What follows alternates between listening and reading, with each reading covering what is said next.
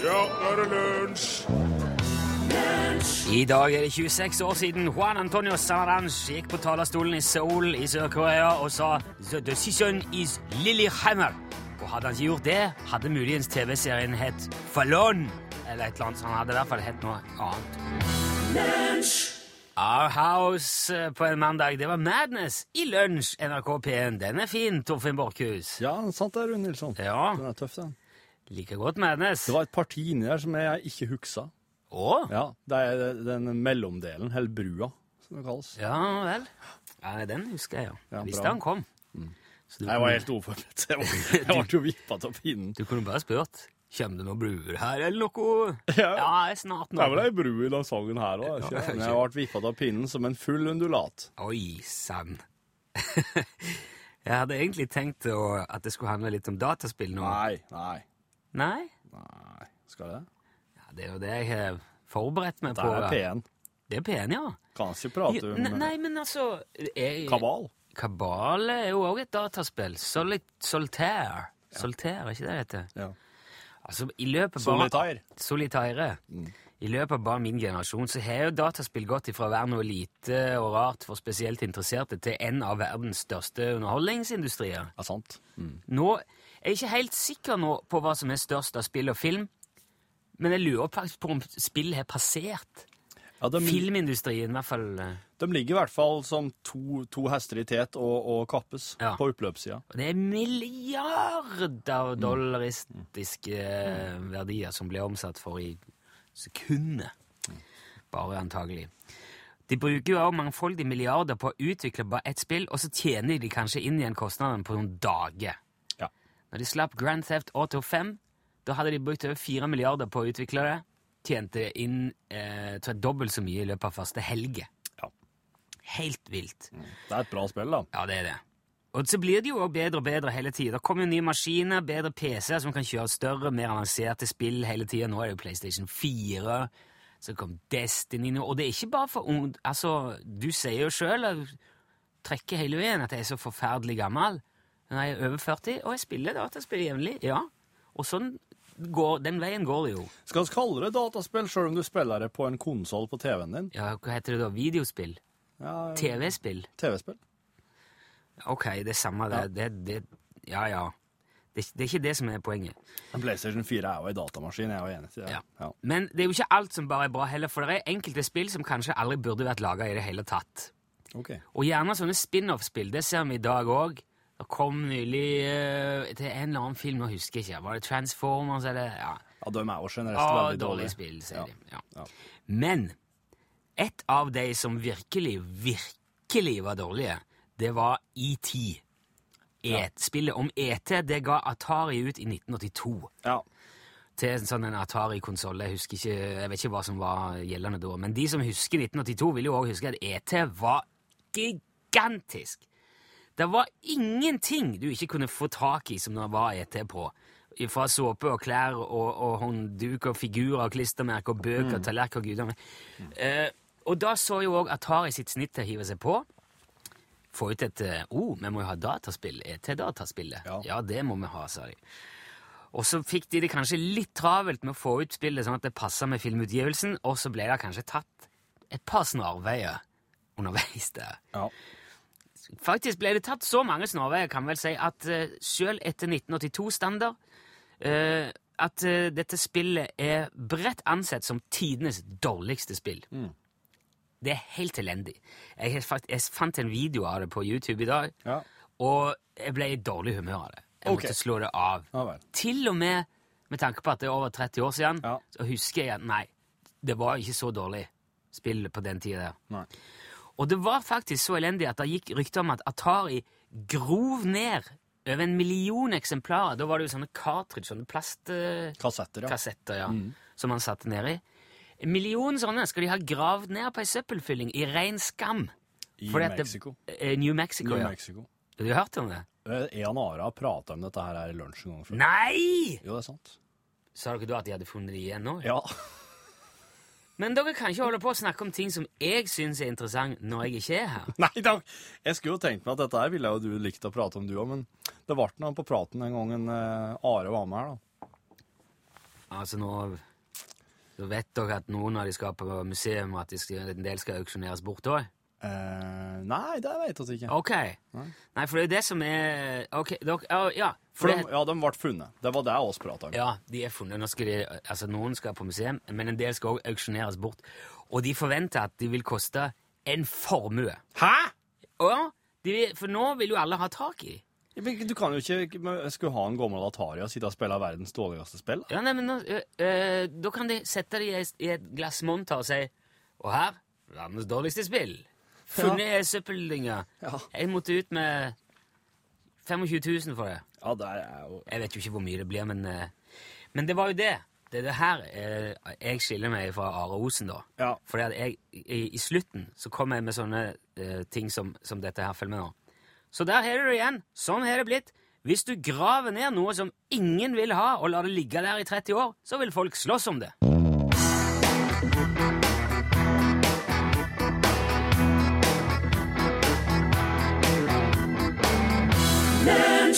La meg være ung, sang Wenche Myhre. La meg spille spill. Ja.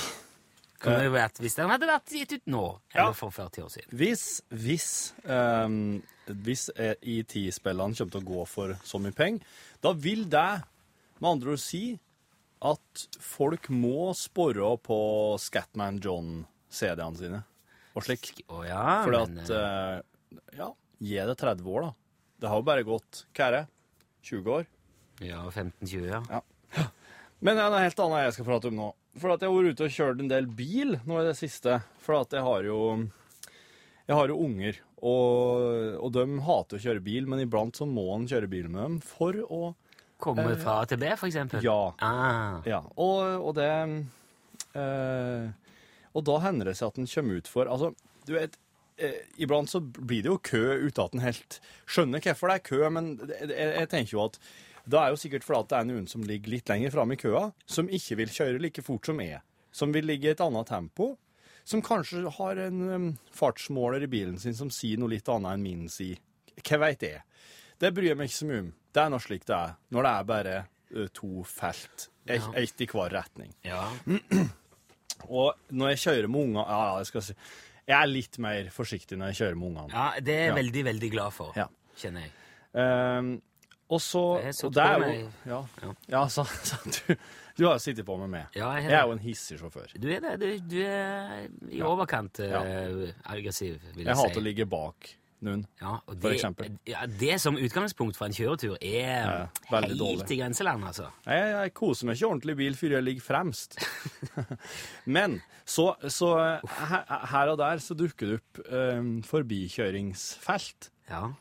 Der veien bare plutselig blir til to felt uten at det er noe spesiell grunn til det. Mm. Men det som skjer da, har du tenkt over det, at alle, alle i den køa du hadde foran deg, plutselig blir liggende i 110? ja. Alle gass. Alle, alle altså, i forbikjøringsfeltet blir liggende i 110. Ergo så må du opp i en 130 for å komme deg forbi dem som tidligere nå lå i underkant av 70 km i timen. Ja. Men det er ikke lov, vet du, å kjøre forbi 130. Nei, nei, jeg, Nei. gjør jo heller ikke det. Nei. Jeg er jo bare glad for å kunne få blåse ut litt grann til bilen min. Jeg stakkars stund der på forbikjøringsfeltet før vi blir liggende i litt under 70 igjen. Ja, for med en gang de kommer ut av tofeltsbanen, Ja.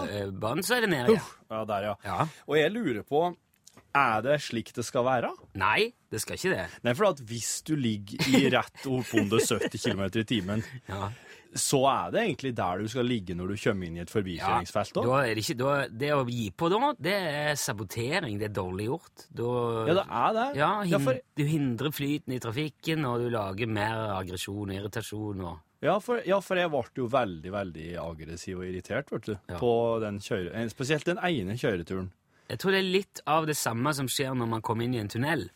Fordi om veien er akkurat like brei, Ja, det er sant, ja. og det, er akkurat, eh, det kan være to felt på det Ja. ene og andre, men en gang man kommer inn, så åh, brems opp, brems opp. Slipp opp, slipp opp. slipp opp. Ja. Kjør sakte, sakte, sakte. sakte. Gjerne 60, for det er om det er 90 der. ja. Ut igjen. Åh, nå kan jeg kjøre på!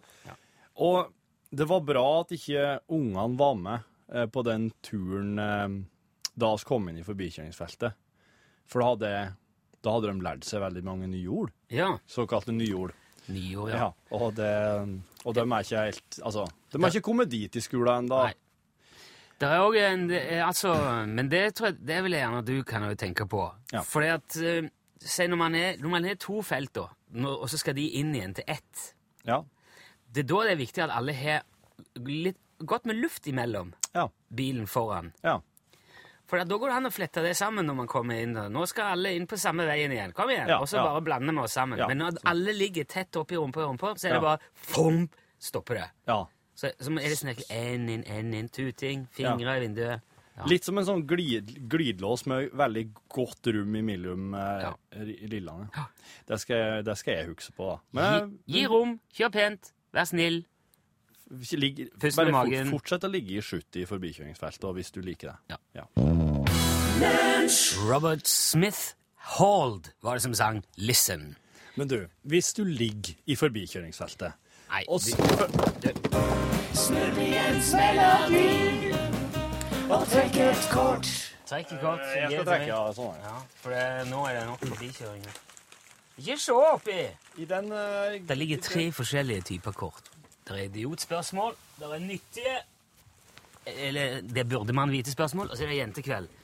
Og dette er ting du burde vite. Ja, det er greit, ja. Ja, og det passer fint på en mandag, hvor det ofte er fokus på eh, læring. Verden, den er verdens nest mest trafikkerte flyplass og Chicagos største internasjonale flyplass. Den heter da O'Hare. Yeah! It, it does!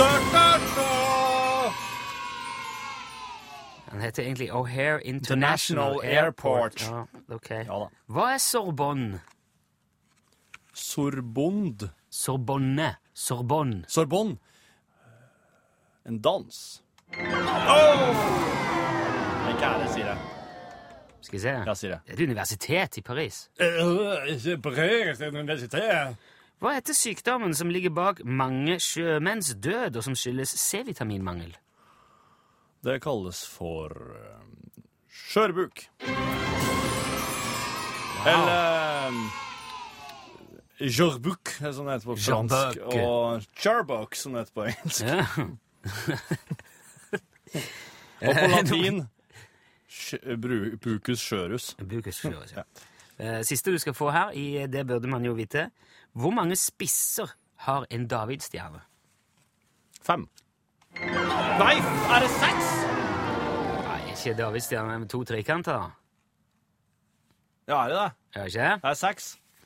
Hvor mange Ja, da, da, da er det seks. Ja, det er det. Åh, Tegn tre Tegn to trekanter oppå hverandre, så får du fem spisser. ja, ja. Ja. Nei, men Men du spor, du stilte det som et spørsmål, så eh, ja, det er er jo et spørsmål. Jeg må jo Det Det er Davidsstjerna. Det er seks. Men hva, er den, hva heter den derre fem Den med fem, da? Det er femstjerners Fem, femterna Fem, fem spi- spisser stjerner. Det er sikkert Josefsstjerna eller noe sånn eh, Galilea Galilei. God, Galilei. Roar. Vin og mat. Våpen og utstyr. Bil og mekanikk. Kystkultur og båtliv. Du spør, ekspertene svarer. Eksperthjørnet. Og ekspert i dag er vinkjenner Viktor Bakke Gabrielsen Vik. Ja, det stemmer. Takk for Vel, velkommen hit. Ja, takk for det. Alt vel? Ja, nå er det meget vel. Takk. Det er Nei, vær godt. Ja, det er en meget spennende tid vi er inne i. Ja, du, uh, du vi skal prate om drueinnhøst. Ja, nå er jo eh, druehøsten over oss. Ja. Det varierer jo, uh, men i uh, mange deler av Sentral-Europa er det nå en meget spennende tid. Ja. Druene skal i hus. Og da får jo produsenten også den første indikasjon på hvordan avlingene er i år. Ja, så klart. Det er som sagt en spennende tid, for det er druen som avgjør om vinen blir god. Og ikke minst hvordan druen behandles. Ja. For eksempel var det en sentralfransk Chagall de Color-produsent som i 2006 tillot sine drueplukkere å lytte til diskomusikk mens de Wow. høstet inn druer. Men som høsta ikke mens de tråkka, altså. Nei, de, man tråkker ikke på den måten lenger. Nei, nei. Det me- meget mindre grad, iallfall.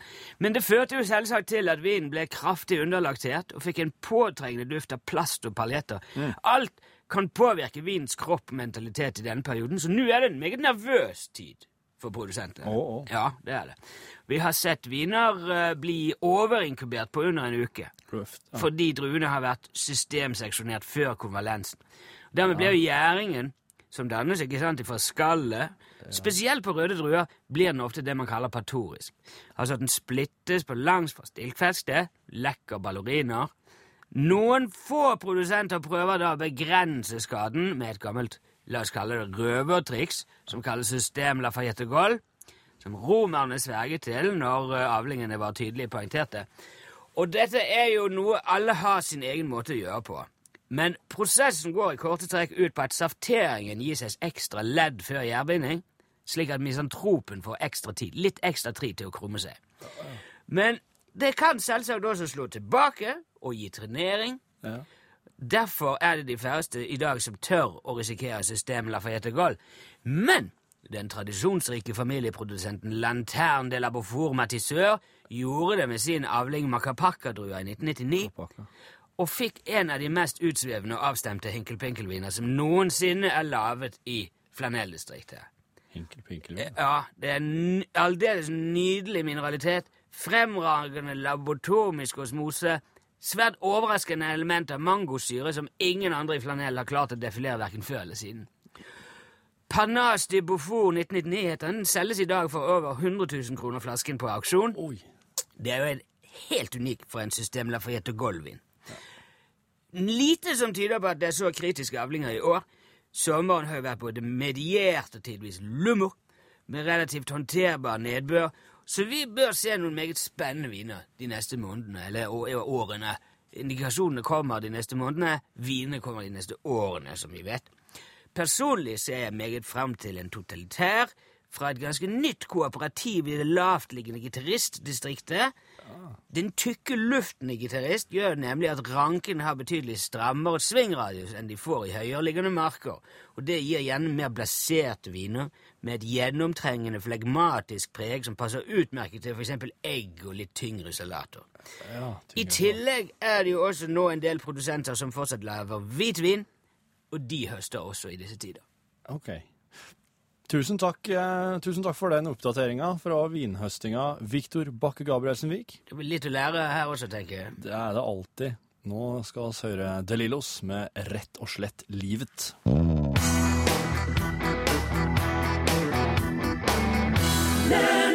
Det var eh, rett og slett livet, det. Du hørte De Lillos. Ok, skal vi se her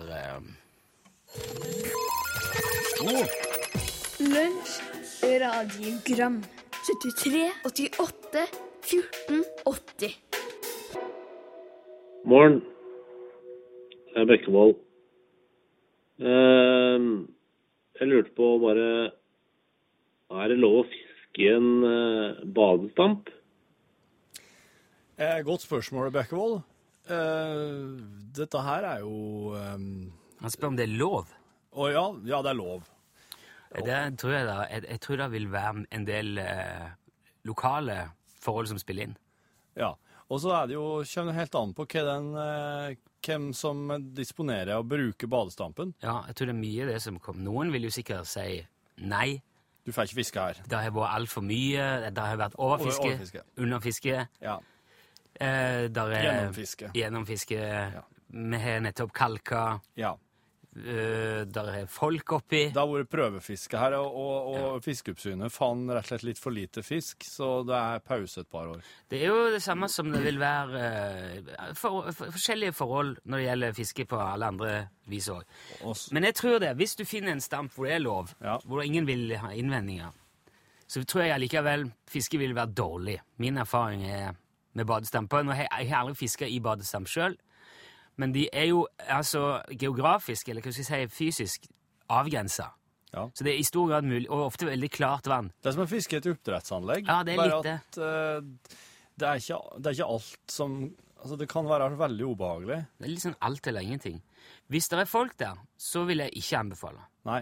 For da kan du få hva som helst på Ja, og da må du ikke, da må du ikke nappe Nei. i eh, snøret. Hvis du skal fiske i en uh, badestamp, vil jeg anbefale mark og dupp rett og slett. Helt stille og rolig. Ikke noe spinnere, ikke noe nei. Nei. sånn action slukagn Det er opplegg. ikke noe som trenger fart, nei. Nei. Nei.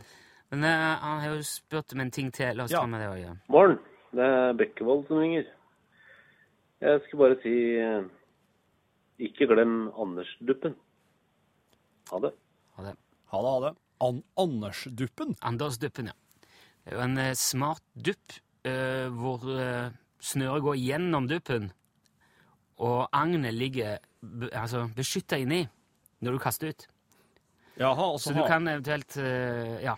Slik at når, når, når den der treffer, duppen treffer vannet, så søkk eh, agnet ned. ja. For du må ha på ei søkke der, da. Mm. Det er Andersen-duppen. Ja, slik An- en har det. Anders- An- Anders, Anders-duppen. Anders-duppen, Ja, slik en har det. Ja, ok. Ja.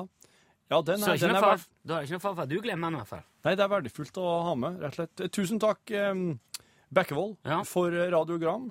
Det er jo en, eh, det er jo en telefonsvarertjeneste vi benytter her i lunsj, som, som dere kan bruke når som helst på døgnet. 73 88 14 80 er nummeret. Da legger dere att den beskjeden dere vil åt oss. Og så Ja. bearbeider det med oss det neste, ved neste korsvei. Nå kommer det jo, kom det jo litt læring ut av det òg. Ikke glem Andersduppen. Ikke glem den. Fisk med omhu i badestamp. Lunsj, radiogram 73, 88, 14, 80 Uh, hvem er dere som er så små? Vi er smurfer, små og blå. Smurfer, si meg, hva er det? Kom til smurfeland for å se. Finnes det noen smurfelover? Nei, ingen synder og ingen sover. Hva gjør en smurf når han eh, kjeder seg, da? Smurfer en trall til han gleder seg. Få høre på eh, tryllefløyten din, er du snill. Og så begynner gammelsmurfene. Ja, og så de andre voksne. Så dere er lille smurfene. Ja, ja, ja, det er greit. Kan dere gjennom en varmtvannskran? Vi kan gjennom en varmtvannskran. Kan dere gjennom et nøkkelhull? Vi kan gjennom et nøkkelhull. Kan dere gjennom en sykkelpumpe? Også gjennom en sykkelpumpe. Ja, nettopp. Eh, hva er det beste smurfer vet? Å få smurfe i evighet. Ja, ja, ja, ja, ja, det er greit, det er greit. det er greit. Syns dere uh, smurfeliv er topp? Ja, det kan du smurfe opp. Hva da om en smurf er trist og lei? Da må det smurfes i en fei. Ja. Fins det da ikke noen plager? Vi har bare glade smurfedager. Er smurfeliv bare sang og dans? Ja, vi smurfer uten sans. Herregud. Lilywood and The Prick med hjelp av Robin Schultz i en uh, Robin Schultz uh, radio edit remix. Noen ganger, altså Titlene er så lange, men det var iallfall en låt som heter Prayer in Sea. Og så kan vi vel Ja, vi, vi setter det på Lilywood and The Prick. Det var egentlig ikke det det skulle handle om nå. Vi skal se om Hva er det Hva er det du driver med her? Usløknes transport og skarv, vær så god. Hva var det? Er det Rune?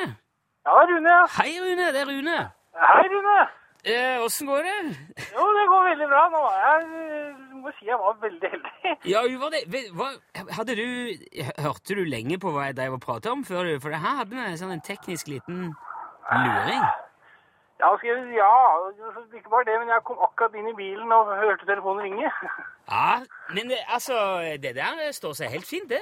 Ja, ja, du- nei, det var... Du var på, på, på. Har det vært mye, har det vært mye henvendelser om skarv i det siste? Er du liksom varm? Nei, jeg lurer er det litt utenfor sesong nå? Det er, Ja. Det, det er vel først når kulda setter inn for alvor at man føler at man trenger en skarvehatt. Ja, ja, ja, jeg har forstått det sånn. Ja. Har det vært noe interesse tidligere i Skien for skarvehatten, eller er det liksom på det jevne? Ja, det er det, på det jevne. Jeg tror det er litt lite markedsføring akkurat nå, så vi må gå litt tyngre ut. Ja, ok, jeg skjønner. Ja. Eh, Får gi beskjed om at eh, vi må sette inn en offensiv i Skien. Ja, ja. Du, nå har jo du skaffa deg lue, da, Rune, så nå Ja. skal vi bare få sendt det til deg. Spørsmålet er bare hvordan den skal se ut. Jeg, jeg som er en villmann, jeg må jo ha kamuflasjefarget. Kamuflasje! Du er en villmann, altså? Ja, ut i skogen, opp i trærne. Ja? Går du på jakt òg, eller? Nei, det er, det er med fotoapparat i så fall. Å ja. Ja. Fisking?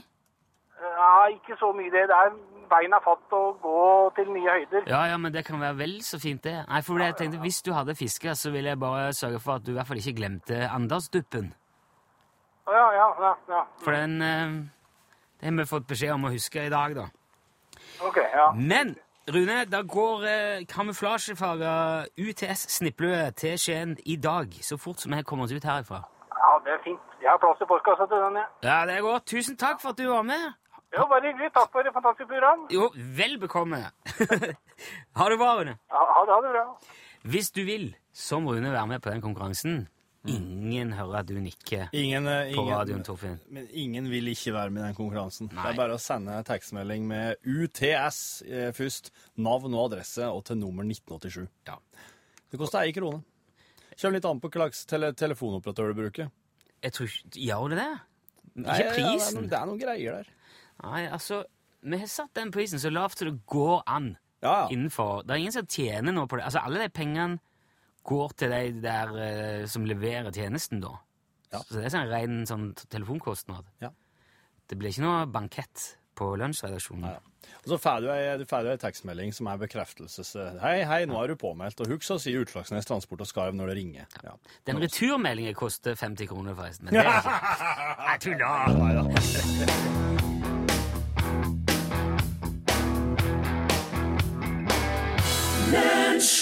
Du har hørt uh, TLC. Kan jeg få en øl? Du kan få en øl? Ja.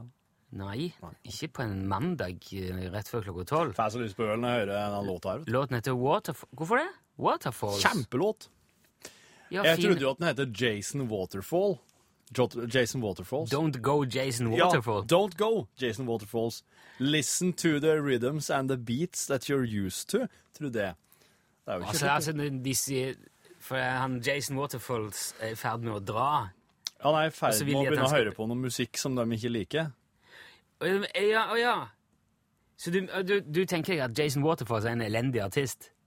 Ikke driv og hør på Jason Waterfalls. Nei. Don't go Nei, Jason nei, de, de sier det til Jason. De sier det. Don't go, Jason Waterfalls. Listen to the rhythms and the beats that you're used to. Altså, ikke gå ifra den festen her, Jason Waterfalls. Vær her og hør på den. Ikke begynne å høre på sånn trance og uh, tull. Det er jo eh, Men det er jo ikke det de synger. Nei. Don't go chasing waterfalls. Just stick to the rivers and the lakes that you're used to. Don't go chasing my heart. Ja, der kommer Paul Pross. Don't go chasing my heart. Er det slik den går? Nei. Nei. Don't, don't go breaking my heart. Don't go breaking, ja. ja. Det, er ikke helt, det blir ikke helt det samme. nei. Det er ikke jeg som skal starte er- band, for det- det sånn. Nei, det er mange, men det der er jo en uh, Excuse me while I kiss this guy. Ja. Uh, type uh, Jeg trodde alltid at R.E.M. sang Andy, are you goofing on Elm Street, baby? Men de synger om Andy Kaufman. Andy, are you goofing on Elvis? Ah. For er alle byer i USA har jo en gate som heter Elm Street. Det er følelsen av. ja. Nemlig. Ja. Var dette veldig interessant? Nei, nå Pål ramla av helt. Han skal bare snakke om det sjøl. Jo, nei, jeg bare satt og tenkte på hvor mye eh, vi holdt på med det her i barndommen. Og, og prøve å synge på engelsk. Og så hørtes det jo helt kråke ut, sikkert. Ja, ja. Men måtte jo bare gjette, og det var jo ikke noe internett å søke opp tekster på. Så. Nei, nei, det... Du var overlatt til deg sjøl. Ja, Og veldig mye Nei, De elendige vennene dine. ja, som spilte på malingsbånd eh, i garasjen. Trodde det hørtes ut som eh, Metallica. Det gjorde jo garantert ikke det. Åh, vet du, Jeg hørte noe veldig artig om Sad But True. Yeah. At det var noen som trodde, når sang, når Metallica synger Sad But True, så er det noen som- så- folk som trodde de sang Sand Patrol! Sand Patrol. Sand Patrol. Ja, det er jo samme greie omtrent. ja. Paul. Eh, ja, Nei, det min tur. Ja, det er jo det. det er Takk for det. Det føles godt når klokka nærmer seg tolv, for da vet jeg at da er det like før. Det braker løs. Ja, det her med å dusje etter gymmen, det er vi jo vant til. Ja, det er vant til. Ja, men det må en Ja, ja. ha oss jo blitt opplært til. Ja. Men trenger en egentlig det? Er det nå egentlig så farlig det her å gå i dusjen etter litt fysisk aktivitet for å vaske seg eh, fra topp til tå? Eller kunne en klart seg med å bare skifte en T-skjorte og bare sprunget ut i, i skolehverdagen igjen? Er dette et retorisk spørsmål, eller mener du at det, at det bør gå helt greit? Du, I dag så skal jeg få besøk av en forsker som mener at det går helt greit. At denne dusjinga egentlig bare stjeler tid fra skoledagen, eh, og at det hadde vært like greit å bare eh, fortsatt med en aktiv skoledag i, i rett og slett kanskje en ny T-skjorte eller et eller annet slikt. Er denne forskeren en, eh, en figur som eh, i barndommen hadde en frostulykke og mista luktesansen? Ja, for det er det du lurer på også, sant? Om det her Ja. svetteproblemet vil da gjøre seg gjeldende. Det er det jeg har tenkt å spørre om også. Om det her er så hyggelig mot de andre i klasserommet, hvis en velger å ikke Men du, dusje. hvis alle lufter svette, vil det ikke da bare bli som hvitløk hvis alle spiser? Se der. Det er nettopp slike ting. Ja, der sa han et sant ord.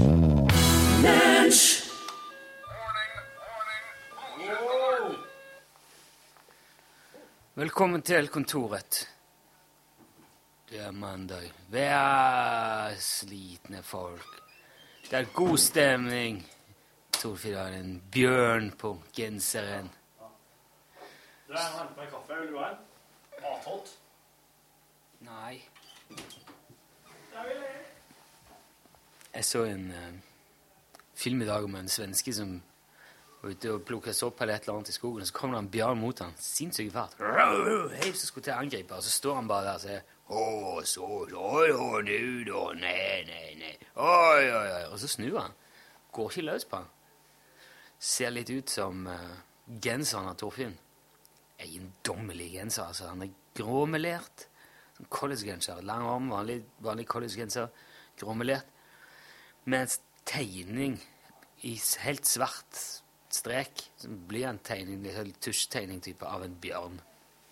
Som liksom labber over bryst og magen da, på Torfinn. Det labber seg bortover. Torfinn er jo cutting edge når det gjelder fashion. Han er en fashionista. Han er alltid det Alltid det siste. Det mest moderne. Og nå kommer han. I det siste fra ledende mothus i Paris, Bjørn. Jeg fortalte at jeg så en sånn um, Så du den filmen med han der svensken som ble angrepet av bjørn? Så står han bare der sånn Å, nei da, nei da. Ikke Å, å, å.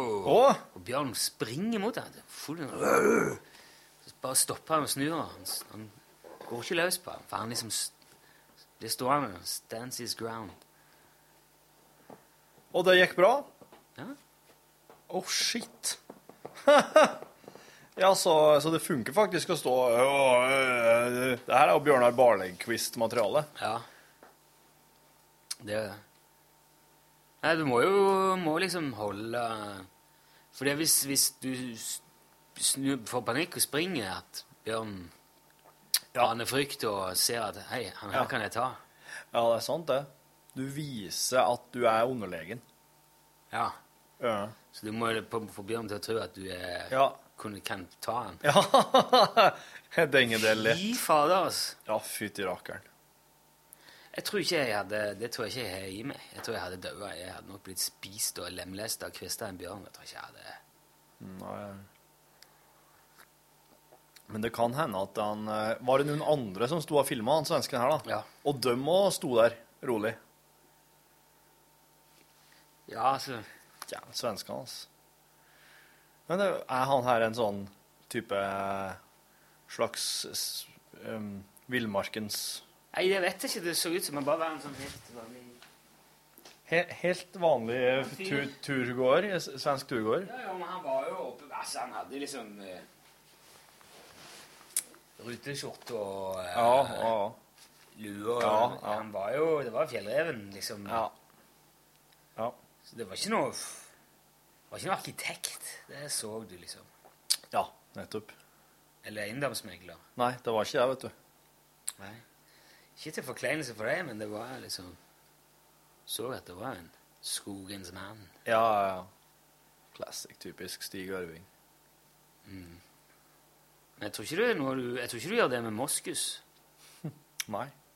For moskusen er ikke Moskusen er aldri i tvil. Jeg er overlegen alt, tenker moskusen. Ja. Jeg kan ta det toget der. Jeg kan stange Dovresprinten så den bare Så den dauer. Gjør det, ja. De Det er springer ikke mot rart det var så lite av det en stund.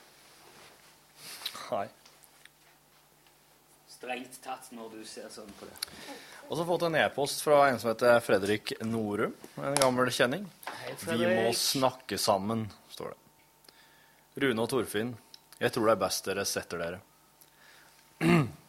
Jeg, eh, jeg skal bare hente meg en kaffe først, står forestille seg at Fredrik og, Ja, mens han henter kaffe, kan jeg få bare si at eh, det, Jeg lurer på om det var fredagens podkast.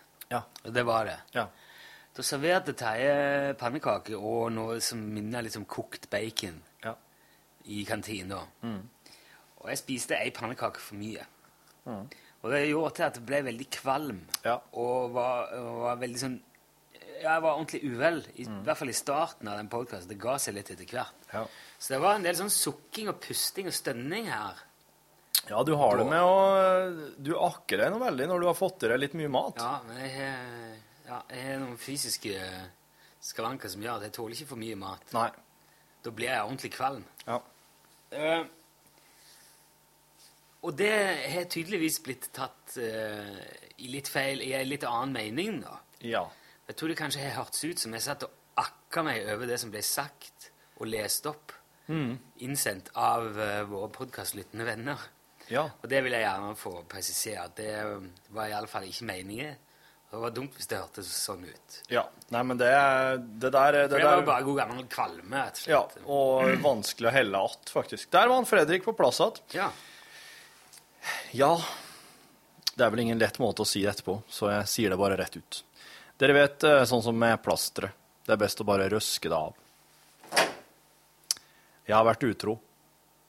Det startet i vår, like før dere gikk ut i sommerferie. Jeg, eh, eh, jeg var på Skype med en kompis. Vi drakk noen øl og hadde det morsomt. Koselig. Og litt utpå kvelden så begynte vi å snakke om podkaster, da. Og, og jeg fortalte naturligvis om mitt forhold til dere, og hvordan vi pleide å kose oss mens jeg var i traktoren, og ja, dere vet. Han sa at jeg kunne prøve å sjekke noen som heter This American Life. Ja, oh ja. Jeg sa jeg hadde det fint med dere, og at vi hadde en god tone gående, og at jeg ikke bare kunne gå rundt og sjekke opp andre podkaster sånn helt uten videre. Men kvelden ble til natt, og plutselig våknet jeg, og da var det blitt morgen, og jeg tenkte at nei, kanskje jeg skulle sjekke This American Life, da, kanskje Dere skulle jo snart reise bort på sommerferie, mens jeg hadde en lang sommer med hardt arbeid foran meg. Jeg tenkte jo selskap gjennom sommeren også, tenkte jeg, og når, dere ble, når det ble høst, så kom jo dere tilbake. Det er bare det at eh, at, eh, at på søndag så sletta jeg de ni siste episodene fra vårsesongen. Jeg hadde så lite plass på telefonen, skjønner dere, og så skulle jeg kjøre helt til Lakselv og være der i tre dager på min aller første heimevernsøvelse, og så visste jeg ikke om de hadde internett der eller noe, og så fikk jeg panikk, for jeg visste at det kom til å bli mye dødtid, og da kunne det være greit å ha noe å høre på, og så sletta jeg de ni siste episodene, for det hadde jo kommet så mange nye, og så hikst hulk, står det, og så hørte jeg ikke på dere i det hele tatt, men bare på radiodokumentaren i P2 og på Stuff You Should Know. Mens, Stuff you should know. ja, det er en podkast som heter det. Men seriøst. Jeg vet ikke helt hva som skjer for tida, men jeg lover at jeg kommer tilbake, for nå har jeg stort sett gått tom for både Stuff You Should Know, This American Life, Radiolab og radiodokumentaren på P2. Det er helt utrolig, utrolig hvor fort podkastene går når man jobber 10-12 timer om dagen og hører podkast hele tiden. Det blir fort en 15-20 episoder om dagen, det. Og jeg må si, gutter, jeg har lært utrolig mye rart i sommer. Nå slenger jeg ut av meg factoid som om jeg skulle være en såpebobleblåsende sekkepipe, og jeg vet masse ting om epigenetikk, nevrologi og levealderen i Øverkalix i Nord-Sverige. Og husker dere han tullingen som førte et småfly mellom rådhustårnene i Oslo i 98? Det ligger en helvetes god dokumentar om ham hos radiodokumentaren.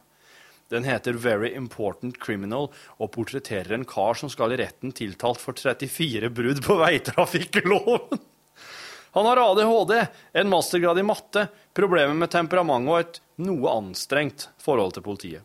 Ja, og så var han en gang en av Norges mest profilerte basehoppere. Han heter Bjarte Berntsen og er såpass velartikulert og gjennomtenkt at jeg ble helt satt ut av hele dokumentaren. Sånn røft regna har jeg hørt godt over 1000 podkastepisoder i sommer. What the fuck? Det var min kommentar, eh, Torfinn. Og dette er den episoden som stikker seg merkbart ut. Ja, og så kanskje den på This American Life om hvordan det er å være foreldre til barn som rett og slett ikke kan beskrives på noen annen måte enn at de er onde. Det kan ikke være noe særlig å ligge våken om natta fordi du er redd eldstemann skal drepe søstera si. Du er jo glad i pjokken, liksom. Han kom jo ut av deg og alt det der, men han driver altså og stikker folk med saksa fordi han liker å se at andre har det vondt. Ja, ja.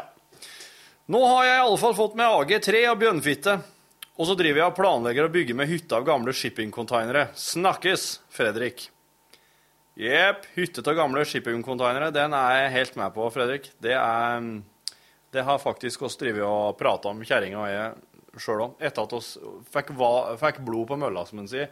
Etter oss så eh, Top of the Lake. Fikk tenna i blodet. Fikk tenna i blodet. TV-serien Top of the Lake så er det jo en gjeng sånn New Age-eksperimentalister, alternative folk som bor i en sånn uh, shipping container-leir nedpå Paradise, er det det heter? Nå, eh, nå, nå tok du eh, det jeg sa, og bare gjentok det på din egen dialekt, og da ble Da blir meningen en annen. Hva for noe? Tenner i blodet. Tenn i blodet. Ja. Tenn i blodet, ja. Ja. Blir rett for deg å si. Tenner i blodet. Tenn i blodet, ja. Ja. Nå fikk jeg tenn i blodet. ja, men hvis du sier tenner i blodet Nå fikk jeg tenn i blodet. Hvis du tenner i stad, gjorde du ikke det? Ja.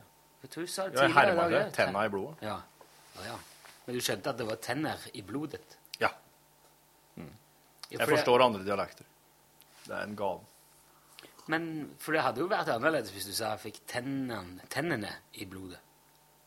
Jeg sier bare tenn.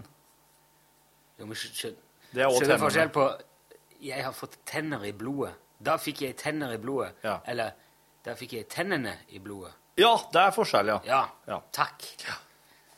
Der. Der, ja. Ved hjelp av litt bokmål, så var det Ja, du må, må innom bokmålen iblant for å Der ser du, der ser du, det er godt å ha. Det er godt å ha Som en bokmål, ja. slags referanseramme. Ja. Mm. Man skal innom der når eh, det er så mye tvil at det nesten ikke er noe annet til overs. Nesten ikke Han til tvil. eh, Vår venn i eh, Hallo P3, Jeremiassen Nå, oh, hjelp meg. Jonas Jeremiassen Jeremiassen Tomter. Som han Jeg var oppom der. Jeg var gjest hos deg her for, Ja. forrige uke Mm. og snakket litt om dialekter. Mm. Og da sa han på telefon med en svensk kundebehandler i et uh, herværende flyselskap som hadde problemer med sine nettsider. Så når han skulle forandre på en flybillett, så måtte han ringe. Og han, da hadde han holdt på i nesten 20 minutter bare med å få, sta, få stava navnet sitt til han svensken. Og han satt ennå og prøvde å Og han måtte begynne å snakke engelsk. OK. J Oh. for i, um, Og så kan jeg kanskje ikke radiofonen. June. June. Juice. Oh, ja. Juicy. JC. Å ja, nei JC. Yeah. Eh, J er Juliet, det, i det derre ju- ju- Juliet, Romeo Tango. Altså, ja. J er Juliet. Nå er det lus på SFO. Lus på SFO. Har du stått mye med luskammen og kjemma gjennom? Du, jeg kjenner ei som jeg pleier å få øh, spørre om ikke du kan gjøre det. Ok. Ja, det har vært i barnehagen så også nå. Jeg måtte jo ta med alle klærne hjem på fredagen og vaske på minst 60 grader. Og ungene må, eller ungen som er der, må sjekkes og måles og kjeftes på. Mm. Men eh, ja. Den gode, gamle historien om at hvis alle på jorda skinna seg, så vil det forsvinne lus, vet du. Mm. Skulle likt å se deg gjort det. Ja. ja, du må ha minimum Du hadde kanskje ikke fått lus, for du har for kort hår. Se her. Ja, det tror jeg faktisk. Du må ha minimum, du må ha en sånn minimumslengde. Det er jo små de lusene. da. Det er jo... Ja. Nei, jeg ser du, jeg gjør mitt. Fredrik Norheim har også sendt en e-post der det står 'Jan Olsen må nok gå'.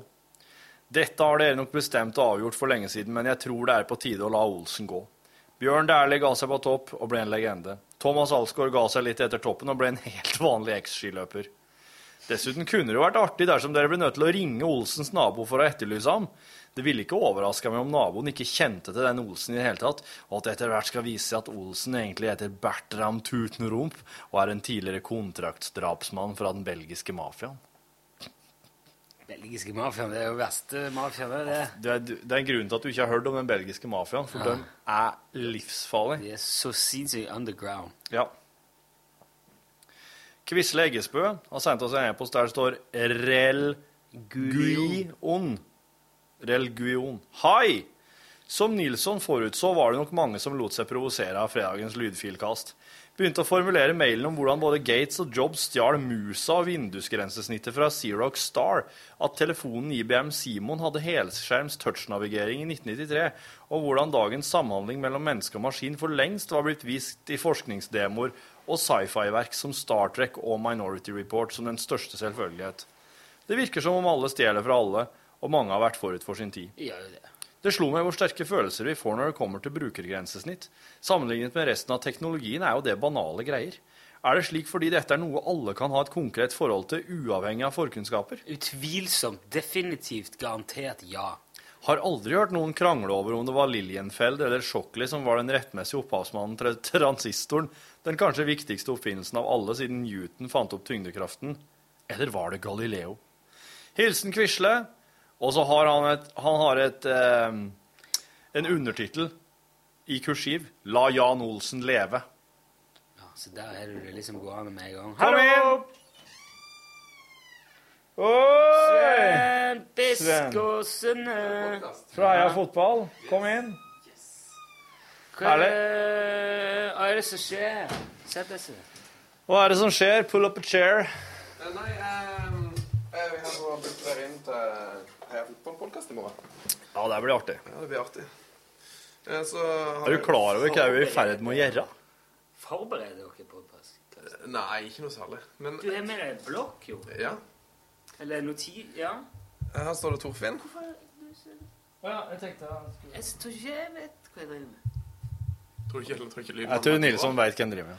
Nei, jeg har skrevet ned Torf. Har jeg skrevet ned, og så skriver jeg ned Rune.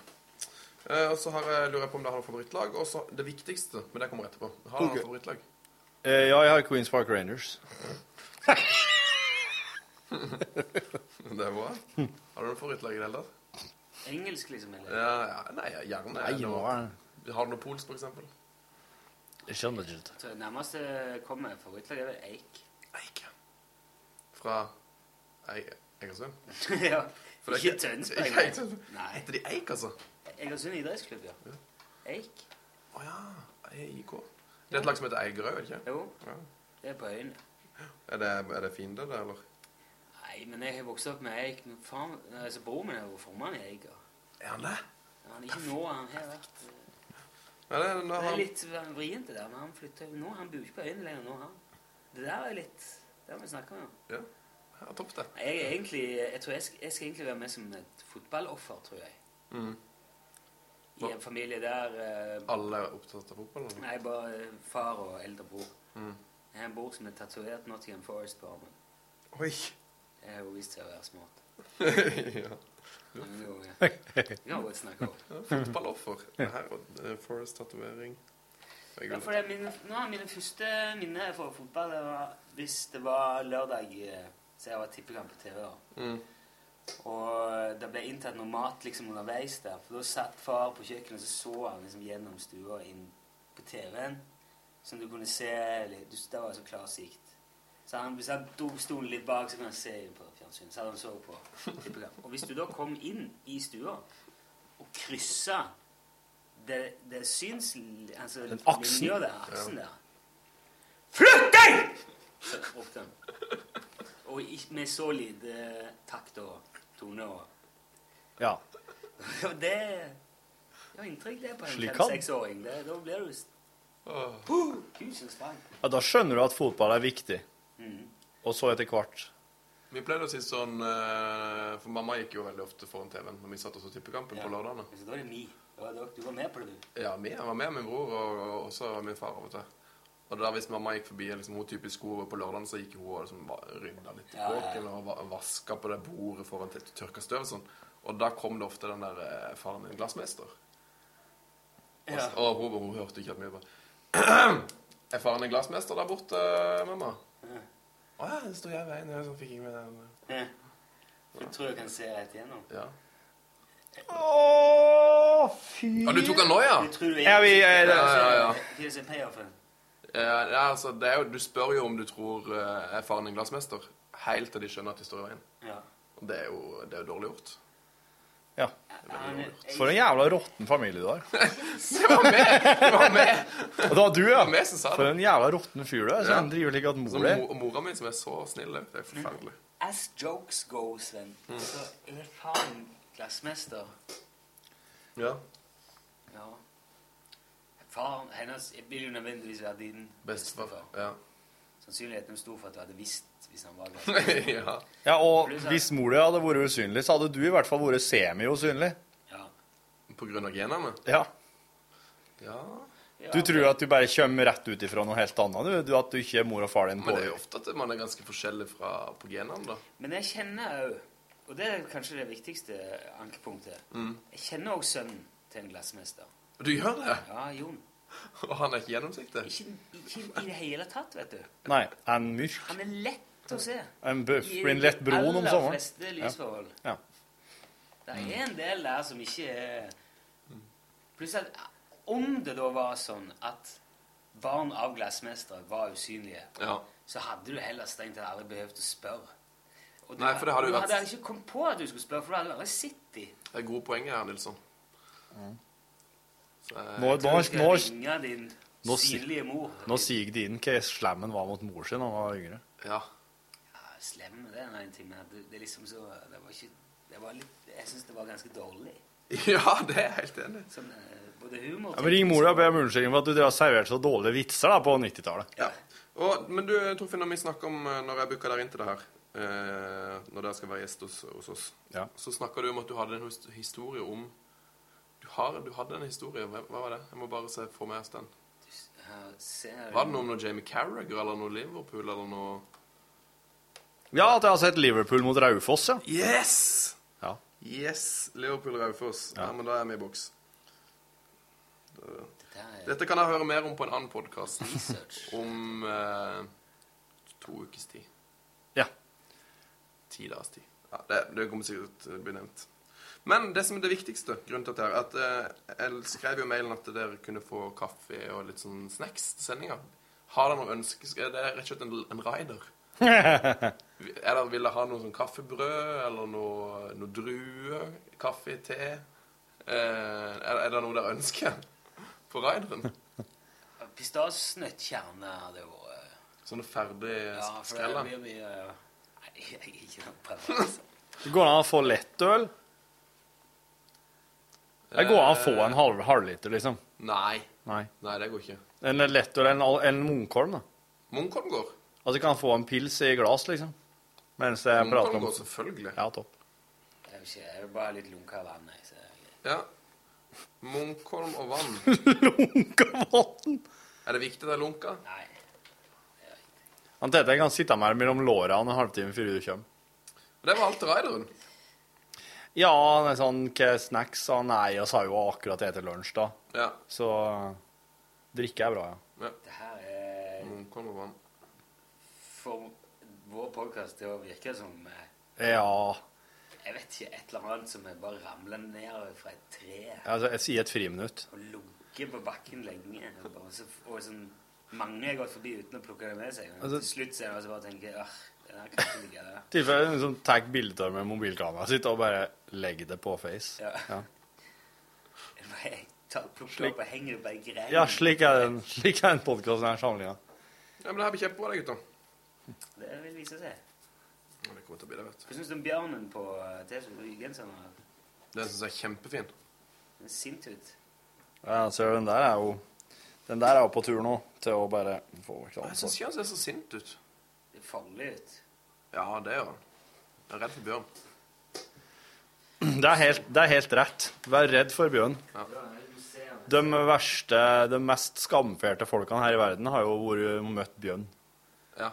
De, Har dere snakka om han eh, han kanadiske eh, bjørnedraktmakeren som del av filmen? den du er han som laga den drakta som de skal Som de kan gå en bjørn i møte med? Ja. Ja, ja. Og så har jeg vel ikke prata om i podkasten, men ja. Eh, Fy Hva i alle dager heter han for noe? Den heter ikke Grizzly Man, vet du, men den, hei, den er noe litt sånn uh, Canadian Grizzly Bear uh, Suit. Suit, tenker Ja. jeg. Så Ja. google det. Ja, men det er noe annet jeg må se her, for Altså, han, han Det er jo en trailer for den filmen her som ligger på nett, der du ser han fyren bli måka til av en bjørn. Ja, ja, ja. ja. Det, altså, det er jo den, den er jo så bra, den dokumentaren. Uh, hva heter han for noe, da? Jeg må nesten finne ut av det.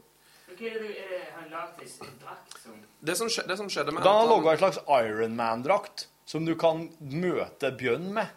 Han eh, fyren her, han eh, ble nesten drept av bjørn. Ja. For, det er jo sikkert nå ti år siden. Ja. Eh, og så overlevde han jo så vidt. Eh, og, men istedenfor liksom bli redd og bare aldri gå mer i skogen, så bare sånn, tok han en sånn oppgave i livet å skape en sånn en drakt, en overlevelsesdrakt, som gjør at du ikke faktisk kan møte grizzlybjørn og overleve det hvis de angriper deg. Og det er litt av ei drakt. Det er slitsomt ut. Eh, ja. Du, du liksom forestiller deg slalåmsko, bare at det er slalåmsko over hele kroppen. Eller sånn der sånn eh, ishockeykeeper-beskyttelse til sånn svære leggbeskyttere. Ja, for det er jo en canadier som har laga der, så det er jo, det er jo lett inspirert av hockeykeepere.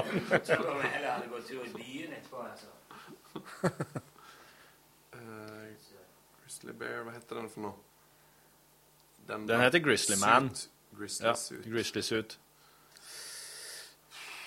Der, vet du, der har vi den. Project Grizzly heter, Ja, ja, ja, ja, ja, ja. heter den. Troy Hurtubies. Nå faller alt på plass. Se han her. nå.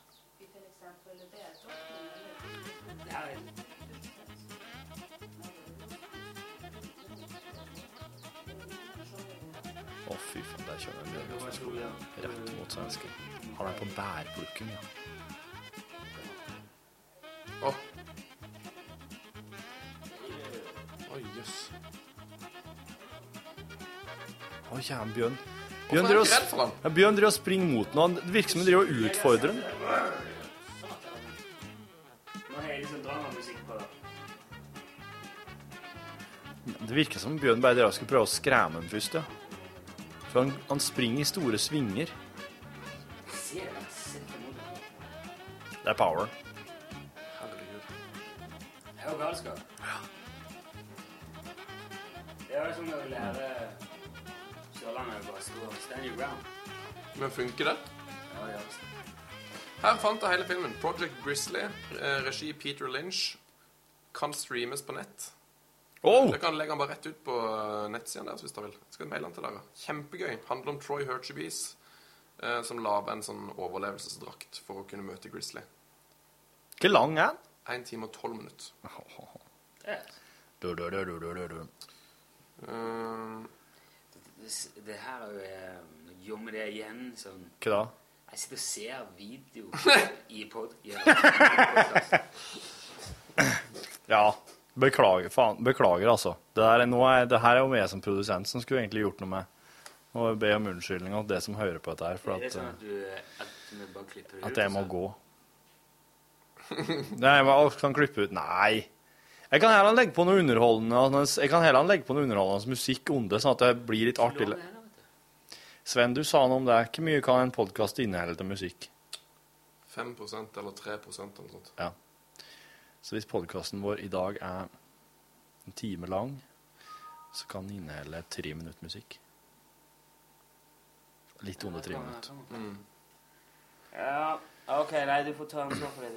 du. For at jeg, det kan være litt artig hvis jeg legger på litt sånn eh, Hva heter han? Det der Benny Hill, da. Benny Hill, ja. Ja. Ja, Så da vet dere hvorfor det ble sånn. Ja. For det fant vi nå ut. Eh, fikk, fikk dere mailen om Grizzly? Ja. Konge. Da sier jeg takk for meg. Er det bare Munkholm og vann på Raideren? ja. Det er jo helt strålende. For jeg kan ikke ha noe sånn i, noe mat å dra i etter. Sånn. Det har altså vært så mange runder i podkasten vår med at oss jeg, fikk, jeg har jo fått ekstremt mye tyn for at jeg på et tidspunkt drakk varm sjokolade i podkasten. Å ja. For det blir sånn Det blir sånn smatt, surkling. Og uh, mumsing, vet du. Så- Ser du, han tar jo Red Bull, da. Du kan jo be om en Red Bull på rideren, da. Eh, Har du ingen kjøleskap? sukkerfri um, Red Bull i minifridgen. Det var veldig stille kjøleskap. Den er fin. Hvor, eh, Kan du snu og så Jeg har kjøpt på ja, vel, Cool Stuff, tror jeg. Den kan varme òg. Du kan bare flikke om bryteren på baksida, blir det hot. Kjempe. Det er ikke noe kødd heller. Ser du at dogger Iskaldt. Fem, fem grader. Fire-fem grader. Nei, jeg tror det er nede i bare et par. Dette var strålende. Kjøleskapet skal ha to grader, holde to grader. Ja, Helst. Og fryser skal ha 20 minus. topp det. God info. Det er kjekt, det. Det er ikke kødd. Ja, ja, ja. Sånn er det å være med, Sven. Ja, det var veldig hyggelig. Ja, jeg Ha gleder det. meg. Vi snakkes. Sjukk, sjukk, sjukk. Du er jo en bestefar, du òg. Bestefar. Det er sånn Kjøleskap skal to grader. Fryseren 20. Så Minus, minus 20. Ja, ja, minus, da. Ja, minus, da. Ja. Men nå gikk han inn til musikkprodusent ehm, eh, Ingrid.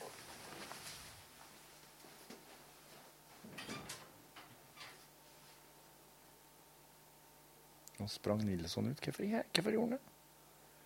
Hva holder han på med nå? Han, Sven står og prater med ei der, så sprang han plutselig ut. Kusk. Å, slik, ja. OK. For jeg, jeg trodde du skulle skremme en kødde med en Sven. Men jeg forsto ikke helt. Vi så det sto chilinøtter på. Ja, for du Du ser den veien, du. Ja, du ser der, ja. Ja. Det hadde strengt sett ikke sikkert Det burde i hvert fall ikke være nødvendig å spørre om det. Nei. Det burde det ikke være. Vel, vel, vel. Det var fint. Rune Pune har sendt oss eh, en eh, e-post som heter podkast 9.9.14. Kiss Facts. Om det var Tete eller Jørgen som påsto at den aldeles framifrå Kiss-trommisen Eric Carr spiller i Letterman-bandet, skal være usagt. Det er uansett flatt ut umulig. The Fox spilte i Kiss fra 1981 med Music from the Elder til 1991, da de begikk makkverksingelen God, God Gave Rock'n'Roll to You. Han døde 24.11.1991 og spiller i dag i bandet til Bon Scott, John Lord, Jimmy Hendrix og Phil Lynott når Bonham er for full. I himmelen, med andre ord. Mm. Oh, den var han med, ja. Anton Figg, derimot, han spiller i The CBS Orchestra under ledelse av herr Paul Schaefer. Antar det det bandet denne uvitende trønderen refererer til som Letterman-bandet. Figg er også herren som spilte trommer på Kiss-albumene Dynasty 79 og, ganske riktig, Unmasked 80, og en del av jobben var å utgi seg for å være Peter Criss. Kunne jo tape platesalg om det kom ut at herrene Stanley Harvey Eisen og Chain Witz hadde mobba ut trommisen sin. Må ha vært litt flaut for stakkars Figg å kle seg ut som en annen fyr i over to år, men Paul Stanley og Gene Simmons er jo kjent for å være noen rette rævhol. Da den glade fylliken Paul Daniel Freely, ace blant venner, fikk nok av de to griske jålebukkene med Messias-kompleks, tok med seg Anton Figg og danna Freelys Comet ved juletider i 1982. Han hadde også spilt trommer på det deilige soloalbumet til Ace fra 1978. Figg ble værende med Ace. Der, det der New York Groove er, vet du. Uh, yes. Figg ble værende med Ace til 1987 og hadde det sikkert mye artigere der. Så det så. Kiss Facts må være korrekte sjøl i en podkast, spesielt av trøndere som sitter her på Tyholt og kaller seg nerd. Mess with the Kiss Facts and be thoroughly out-nerded, weak mortal one. Jeg tror at alle de som var med Ace Freely på et eller annet, hadde det mye gøyere. Ja. Har du hørt uh, Ace Freely le? Nei. Det fins en kompilasjon Nå, Dette er faktisk verdt på. Det her er bra radio, da. Nå snur jeg den her litt mot dit, faktisk. Skal vi se. Eh, hvis jeg klarer å finne dette her. Det fins en samling Really Skal vi se her. På YouTube. Med bare latter fra Ace Freely. Wow.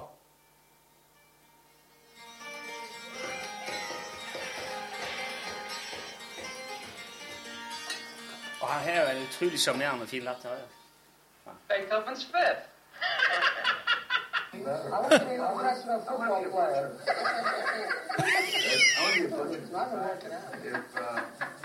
if anything is an indication of what we can It's called the ship cause okay,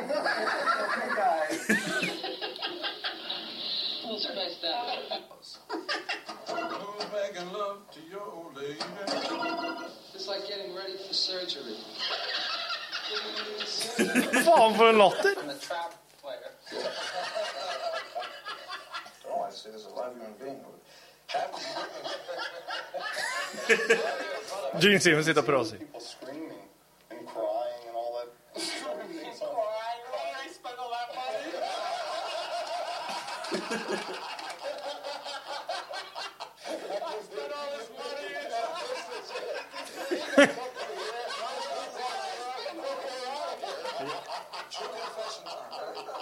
Der anbefaler jeg bare å se på Fred. Den er rusa. This guy waving back. I'd wave. James into telescopes. Slipp! Han Gene Simmons har ikke sagt noen ting. Og du prøver å skal si noe seriøst. Han sitter der liksom i det der ekstreme kostymet og ser ut som en eh, Han ser ut som en sånn her som venter på en ufo. Ja, som står på toppen av Ja, ja. på 4. juli. I'm ready! Jeg Søk på Ace Freely Laugh Collection. Beklager om det ble litt i overkant, skriver Underpund til slutt. Jeg har ikke måne i hockeysveisen og gyldig medlemskap i Kiss Army. Jeg lover. Hilsen Rundpund. Men det var jo en kjempe, det var veldig, veldig fint å få sånne oppklarende e-poster. Og jeg skal sende det rett til en TT og en Jørgen, så de skal få burn i det. Hvem fat. var det som eh, sa feil? Nei, det var en TT, ja. Jeg husker ganske Og det er litt snodig, ja. ja. Han er jo Ja, nei, han er ikke nok Kiss. eh. Og så han Rune og sendt oss en oppfølging i e-post. Det står podkast 10.9. Å pendle til byen. Å pendle til byen. Det stemmer, det. Jeg står opp halv fire for å dra på jobb på Gjøvik.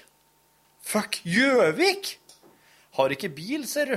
Så da må jeg gjennom den forheksa Dalborgskogen som ligger der mørk og hemmelighetsfull mellom Raufoss og Gjøvik.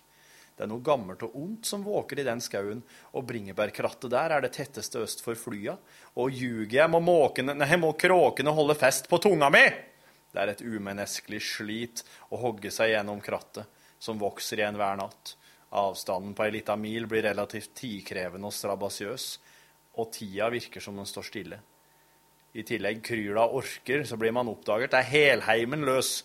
Orkene er redd biler, så de ligger unna rv. 4. Tar du bilen, bruker du drøye ti minutter. Hilsen Rune Bune. Rune Bune, altså. Det er jo et fenomen. Stå opp halv fire for å slåss seg gjennom skogen fra Raufoss til, til Geilo.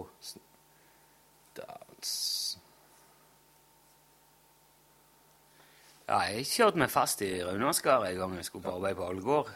Og da hadde jeg jo bil òg. Og snø. Ja. Farmor sin bil. Mazda 3320. Mazda.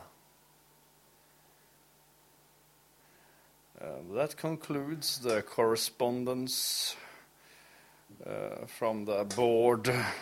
Lunch board. Men du Jeg lurer på om vi, må, om vi skal ta oss og avvikle akkurat dette her nå. For at, uh, Ja. jeg må bare få gjort noe mer. Det er veldig stramme uke. Det er ei stram uke. Det er Charlie Rackstead-konsert, det er radiodager, og Vi kan faktisk Ja. uh, Vi har mulighet til å vinne en radiopris på fredag. Selv om jeg har lite å tro på det. Ja.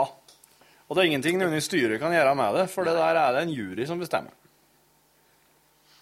Men jeg tror uh... Men det er en gjev pris. Det er jo sendeflate. Årets sendeflate. Lunsj. Det er jo en eh, ære bare å være nominert. Ja, det.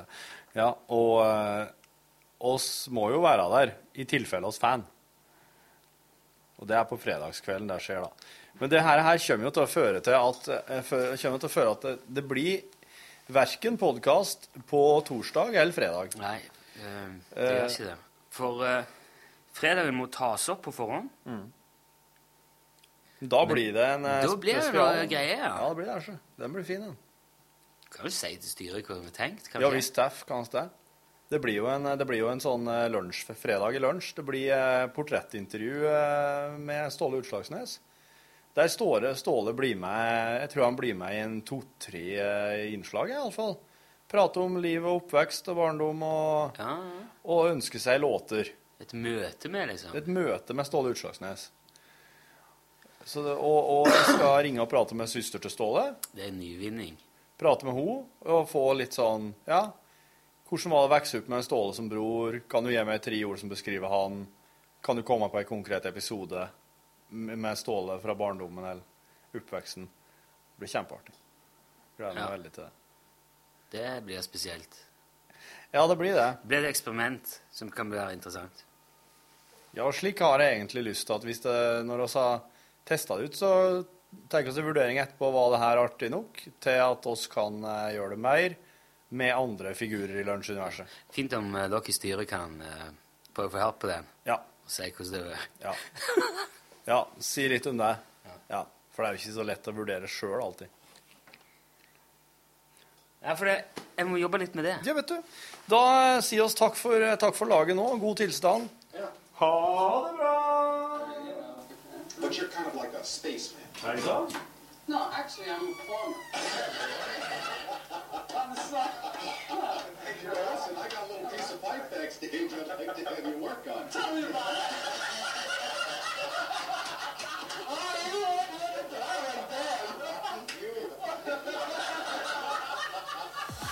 Hør flere podkaster på nrk.no podkast.